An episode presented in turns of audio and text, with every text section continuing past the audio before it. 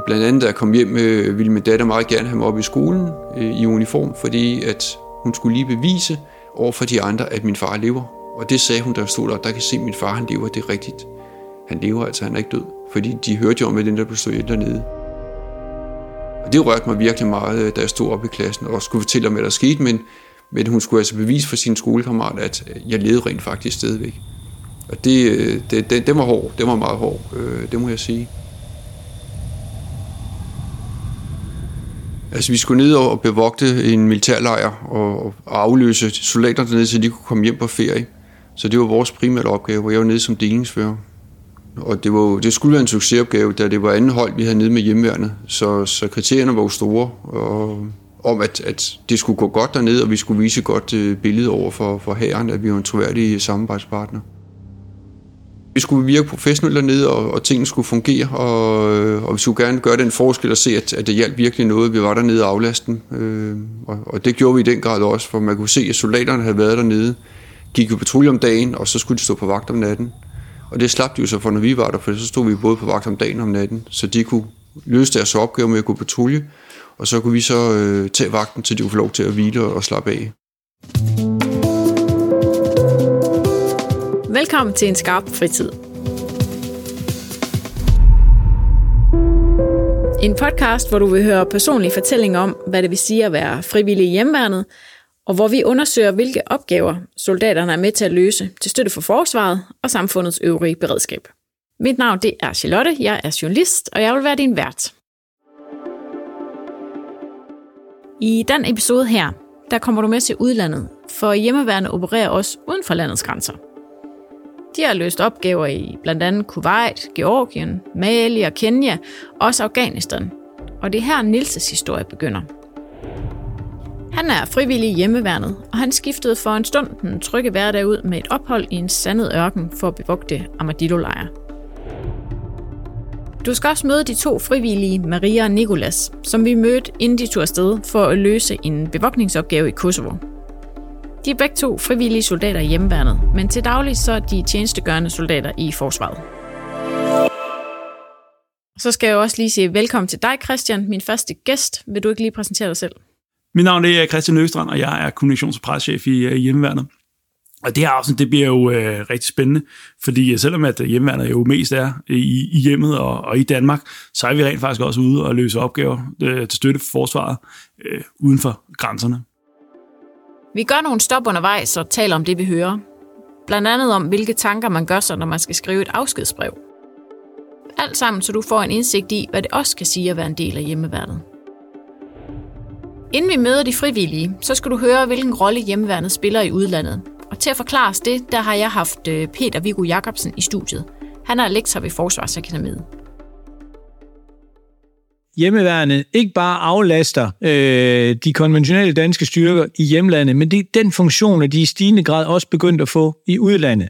Eksempelvis har vi jo lige set, at man nu har besluttet, at det her bidrag, der har blevet sendt til Kosovo for at hjælpe med at fastholde freden imellem Kosovo-albanerne og, og hvad det hedder, serberne inde i Kosovo, at det nu skal overtages af hjemmeværende. Så der går hjemmeværnet altså ind og løfter en opgave, som herren har påtaget sig til dato. Og det har vi også set i en række andre missioner, at, at personel for hjemmeværnet går ind og løfter nogle opgaver, som hvad det hedder, folk fra forsvaret tidligere har løftet. Det kan være bevogtningsopgaver, det kan være rådgivningsopgaver, det kan også være sådan noget som samtænkning med at prøve at lave øh, civile opgaver i en militær kontekst, som vi har set øh, forskellige steder i Afrika. Så vi ser altså, at øh, samfundet også begynder at trække på de civile kompetencer, som folk i hjemmeværende har, hvor man kan se, han har den og den baggrund, derfor vil han eller hun være velegnet til at gå ind og hjælpe Danmark med at løfte en opgave der, hvor vi prøver at være med til at skabe stabilitet.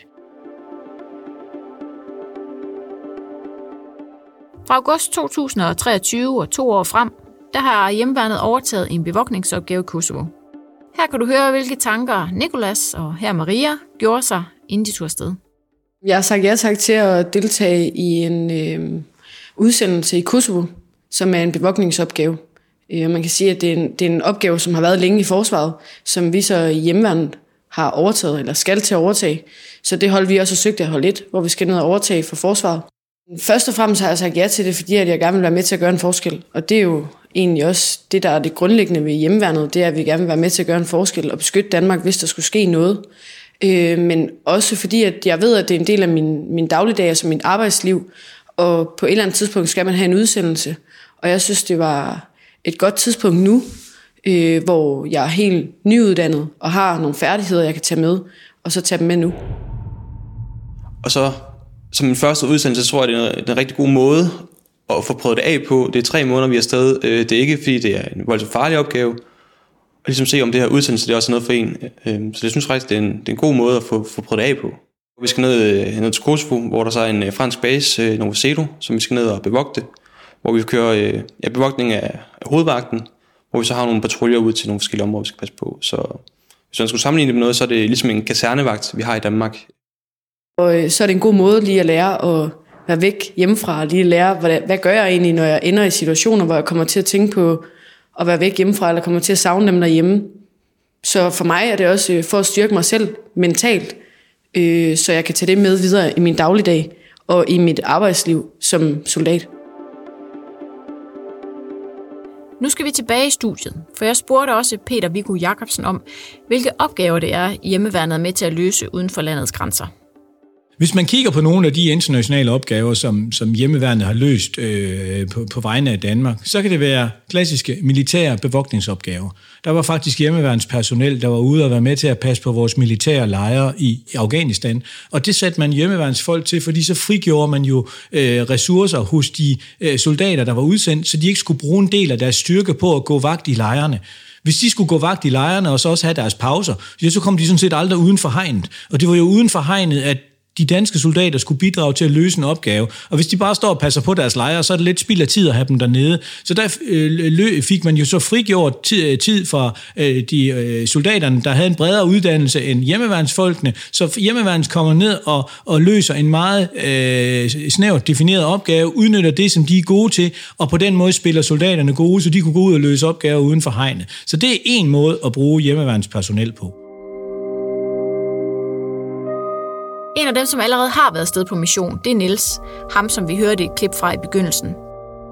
Her der fortæller han, hvordan det er fra den ene dag til den anden at stå midt i Talibanland.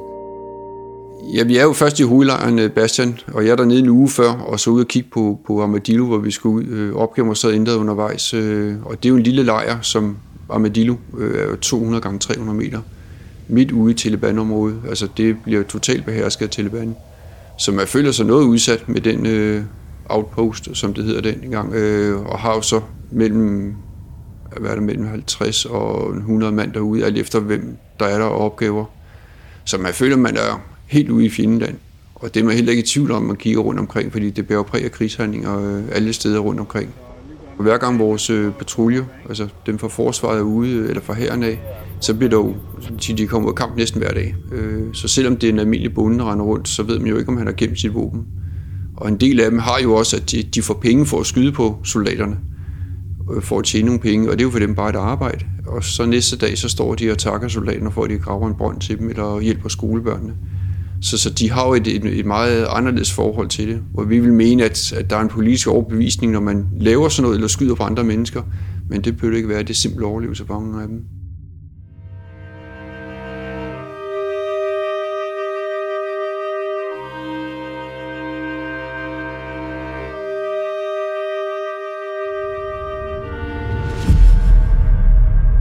Ja, så vi har jo lavet en rigtig, rigtig god forberedelse, og vi har også selv trænet en del inden, og, og jeg har selv været inde, og, og hvor vi har snakket om, at vi skulle folk ind på retsmedicin, så man skulle lov til at se nogle døde inden mennesker, fordi det ville jo ske dernede, og vi ville også få såret ind, øh, så for at forberede folk på det.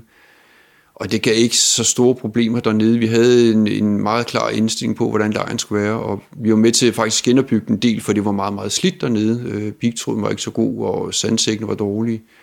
Og i starten så tænker man, de virkelig lidt tjuske, at soldaterne ikke har gjort det. Men når man så tænker på, at de går 13-14 timers patrulje om dagen, og så skal stå på vagt om natten, så har man jo ikke overskud til at, at lave andre ting. De kan jo dårligt hænge sammen.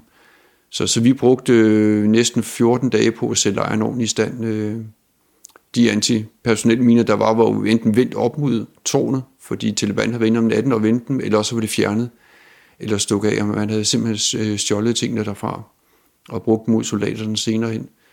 Så, så der var i hvert fald nogle af de professionelle soldater nede, der fik en aha-oplevelse, at halvdelen af de der antipersonelle miner, de havde sat op, de pegede op mod dem selv, og ikke ud mod fjenden, fordi man var inde og vente dem om natten. Og det kræver sit mod at kravle gennem tre lag pigtråd midt om natten foran soldaterne, og så vende sådan en mine rundt og dreje den op mod. Så der er altså vigtigt, at man går ud og kontrollere de ting derude, selvom man synes, det er kedeligt. Altså, mandatet var fuldstændig klart, at vi skulle bevogte selve lejren, øh, og, og passe på, øh, sådan så de kunne komme ind og sove, og, og, og det man nu havde dernede af opgaver, vi havde blandt andet artilleripjæser og øh, raketkaster dernede også, som vi skulle passe på i lejren. Så det var vores primære opgave, det at, at, at styre lejren og bevogte lejren.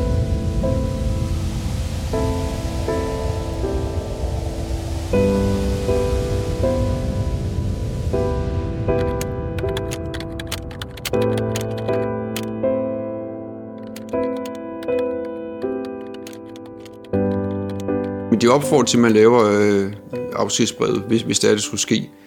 Og det tager rigtig lang tid. Når man tænker i starten, det, det gør man bare, men det gør man ikke. Når man først sidder med det og skal dedikere, hvem der skal have ens fiskeudstyr, eller hvem der skal have et eller andet til ens børn eller efterladte, så berører det en virkelig meget. Altså, der, der tænker man virkelig over ting, at det er faktisk alvor det her.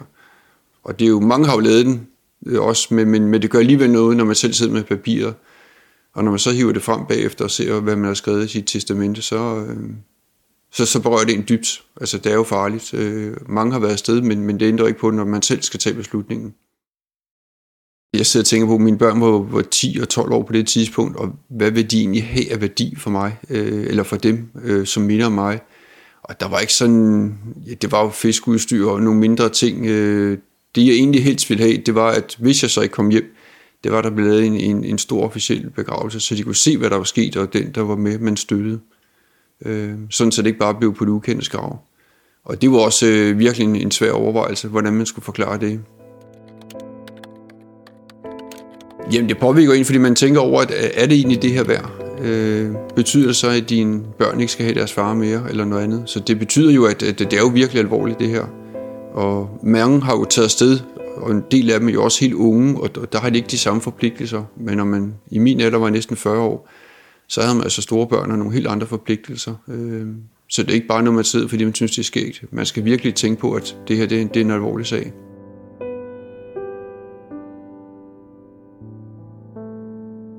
Der tænkte jeg, at det kunne være en god mulighed at, gå ned og give lidt tilbage til samfundet.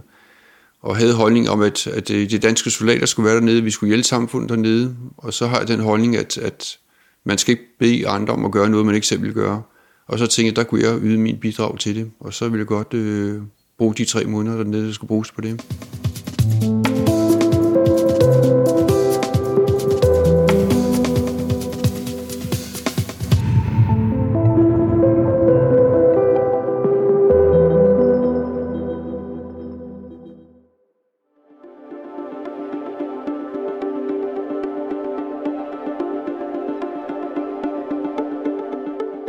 Christian, hvis man så går her som soldat i hjemmeværnet og har en drøm om at blive udsendt, hvad kræver det så?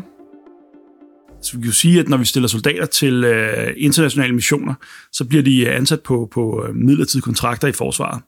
Og derudover så er der jo en række sådan, krav til, til grunduddannelser og til uddannelser. Øhm, der er også nogle fysiske tests, man skal løbe op til. Og der er også en helbredsgodkendelse ved læge og psykolog og, og tandlæge, som, som skal være i orden. Nu hører vi Nils her fortælle, at han skriver et afskedsbrev. Og Christian, hvad er det, der er på spil her? Kan du ikke prøve at sætte nogle ord på det? Øhm, men vigtigst af alt, så, så er det jo også at få, få afklaret det med ens øh, familie og ens pårørende og ens arbejdsgiver, at det her det er noget, man gerne vil. Og der er afskedsbrevet jo en, af, en, en del af også af, af den proces, at man ligesom er afklaret, øh, når man øh, vil afsted. Nu skal vi høre Nils fortælle om dengang, han sad i en helikopter og gjorde sådan nogle tanker om, at han måske ikke kom levende herfra.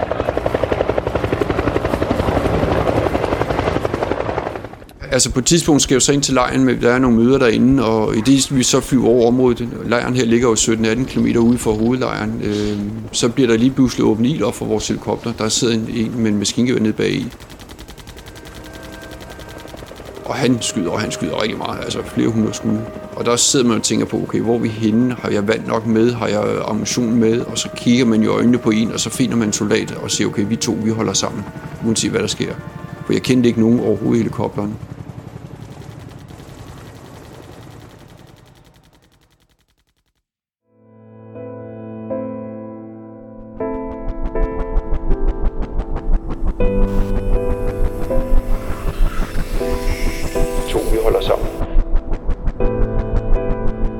Det er så meget intens at sidde og søge efter nogle mennesker, man overhovedet ikke kender, og så kigge dem dybt i øjnene og sige, vi to, vi passer på hinanden, uanset hvad der sker. For man ved ikke, hvad det ender med. Og der endte så ikke noget med, at der blev skudt en hel masse, og vores støttehelikopter flyver også rundt, og der bliver skudt til højre og venstre.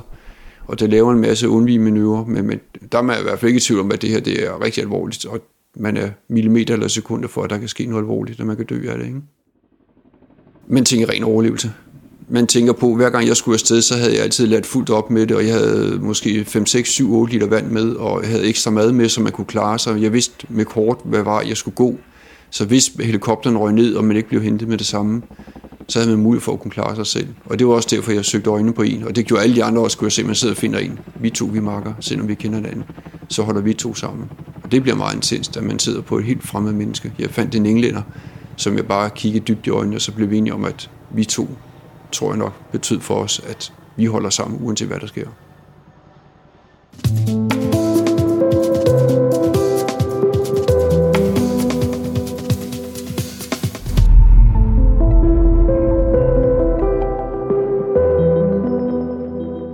Tilbage i studiet, der spurgte jeg Peter Viggo Jacobsen ind til, hvilket niveau det er nødvendigt, soldater i hjemmeværnet har. Det man jo også kan se med hjemmeværnet, det er, at man kan jo afhængig af, hvor mange timer man har lyst til at lægge i det, så kan man jo også komme til at være mere og mere øh, kompetent til nogle særlige opgaver. Vi har jo de her patruljeenheder i, hvad det hedder, øh, hjemmeværende, som kræver, at man lægger en masse timer, men der kommer man jo op og faktisk er på niveau over øh, en almindelig værnepligtig, der har udgået herrens øh, basisuddannelse. Og de bliver, vil jo netop blive brugt til sådan nogle mere skarpe militære opgaver, også i en dansk ramme i en krise-krigssituation. Øh, og og der, der, der begynder man virkelig at kunne løfte, ikke? men det er også vigtigt at understrege, at det er jo regulære militære opgaver, som hjemmeværende skal lave i dag i den nationale planlægning, for de skal simpelthen overtage de opgaver, som hæren havde i gamle dage, da vi havde en så stor hær, at det var en del af, af deres opgaver var med til at forsvare øh, Danmark. Det er også derfor, at hjemmeværende i dag får præcis det samme militære udstyr som de regulære herreenheder, fordi de skal gå op og løse opgaver på samme kompleksitet og niveau inden for det øh, udstyr, som de så får. Det er selvfølgelig en mere afgrænset opgave end noget af det, som for eksempel skal laves over i Baltikum, men det er jo simpelthen for at sende signal om, at vi taler ikke længere om A- og B-hold. Det er sådan, at en, en hjemmeværende soldat i dag bliver udrustet med de samme våben og de samme øh, per, altså enkeltmandsudstyr som regulære herstyrker. Og det er netop fordi, at man skal faktisk op og løse en opgave, der kræver en ret stor uddannelse, hvis det skal gøres til ukrig og kryds og slange. Men hvad tænker Maria og Nikolas om, at hjemmeværnet opererer i udlandet? Jeg synes, det er fint, som nu her, hvor forsvaret de har været rigtig presset det, det sidste års tid med udsendelser til flere forskellige steder, hvor man så siger, at vi har hjemmeværnet, den kapacitet, som hjemmeværnet er, kan vi bruge den andre steder. Og så siger vi, Kosovo, det er jo igen, det er en perfekt opgave for hjemmeværnet, så lad os da bruge dem derude, hvis vi, hvis vi har dem, skal vi skal bruge dem. Jeg synes, det er rigtig fint, at man vælger at sige til hjemmeværnet, kan I tage den opgave her? Og hjemmeværnet bare kommer med det samme, ja, selvfølgelig kan vi det. Jeg synes også, det er en, en rigtig god idé, og som sagt, så har vi Kosovo, og så har vi Interflex i øh, England, som er uddannelse af ukrainske soldater.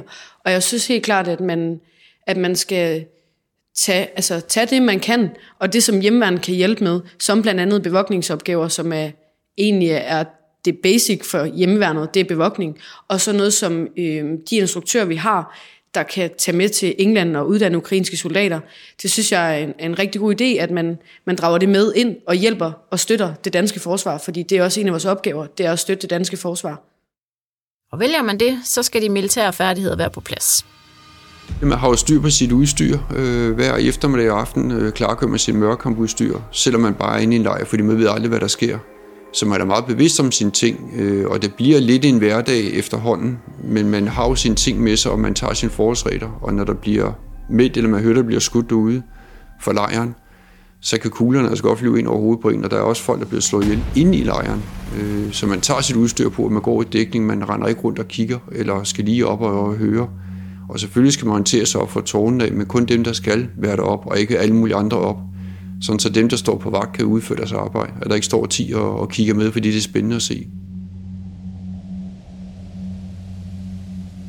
Altså, vi kører jo helt tiden de normale militære trin og træner, og, og træner meget med førstehjælp også og sådan noget. Øh, både for, at vi kan hjælpe os selv, men også for at hjælpe andre. Det er jo en krigszone, så, så man, men, men hele de militære ting, det, der er ikke nogen tvivl. Og så prøvede jeg i hvert fald selv at læse en masse om landet for at sætte mig ind i deres kultur og hvad der foregår dernede og konflikten, så så har man idé om, hvad der sker dernede. Og så havde vi jo også med, med CIMIC, altså civil-militær øh, samarbejde, hvor, hvor børnene kommer ind og kan lære noget, og der var rigtig mange af hjemmesoldater nede for at hjælpe og, og lære dem i at åbne dåse sodavand. Virker mærkeligt, men, men det har de jo aldrig prøvet. At prøve at lære dem at lege med Lego og sådan noget, og det var et, et rigtig dejligt afbræk i, i den alvorlige hverdag med krig, at man kunne sidde og lege med børn på 2, 3, 4, 5, 10 års alderen. Ikke?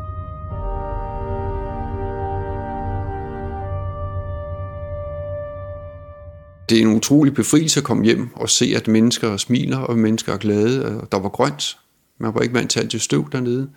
Og når man så står i køen med Netto, og folk står og skændes over, der er for lang kø, så står man og tænker på, ja, prøv, jeg er liv, jeg er ligeglad. Altså, det betyder ikke noget. Altså, man, man, man får en anden ro på, på en del af kroppen, fordi man har set, hvordan andre mennesker lever, så som at tage et, øh, et bad, når man gerne vil have det, kan spise noget almindelig mad, ikke spise feltrationer. At øh, børn godt vil gå i skole og synes, det er en værdi. Og så ser, hvordan ens samfund er bygget op herhjemme, og hvor, hvor store værdier vi har og skal beskytte og passe på, som ikke er nogen selvfølge, som demokrati og stemme til ting og sager, at de, de vil gå hvad som helst bare for at få en tusinddel af vores sikkerhed og vores øh, samfund.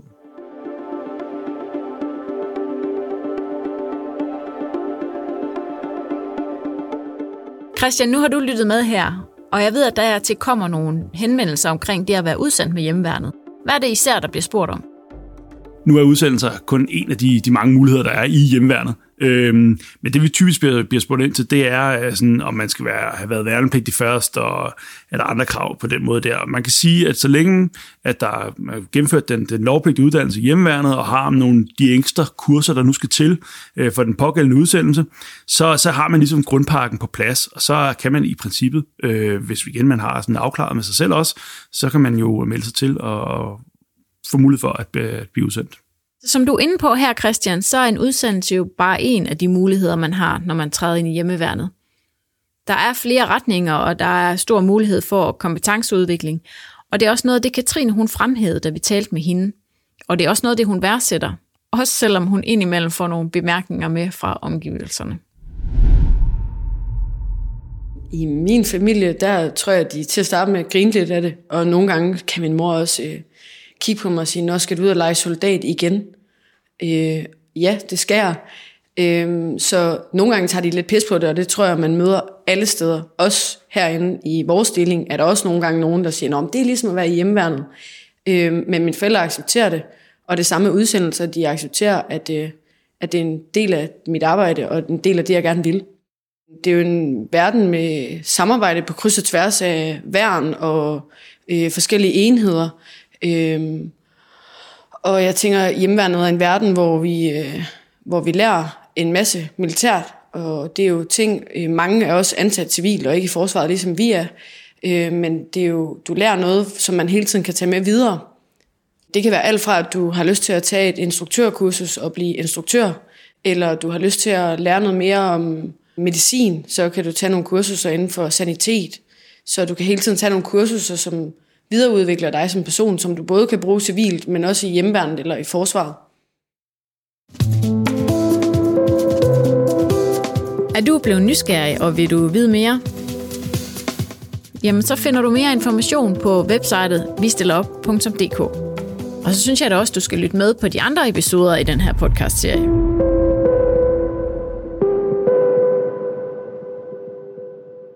Podcasten den er blevet til i samarbejde med Søren Prehn, Periskop. Tak fordi du lyttede med.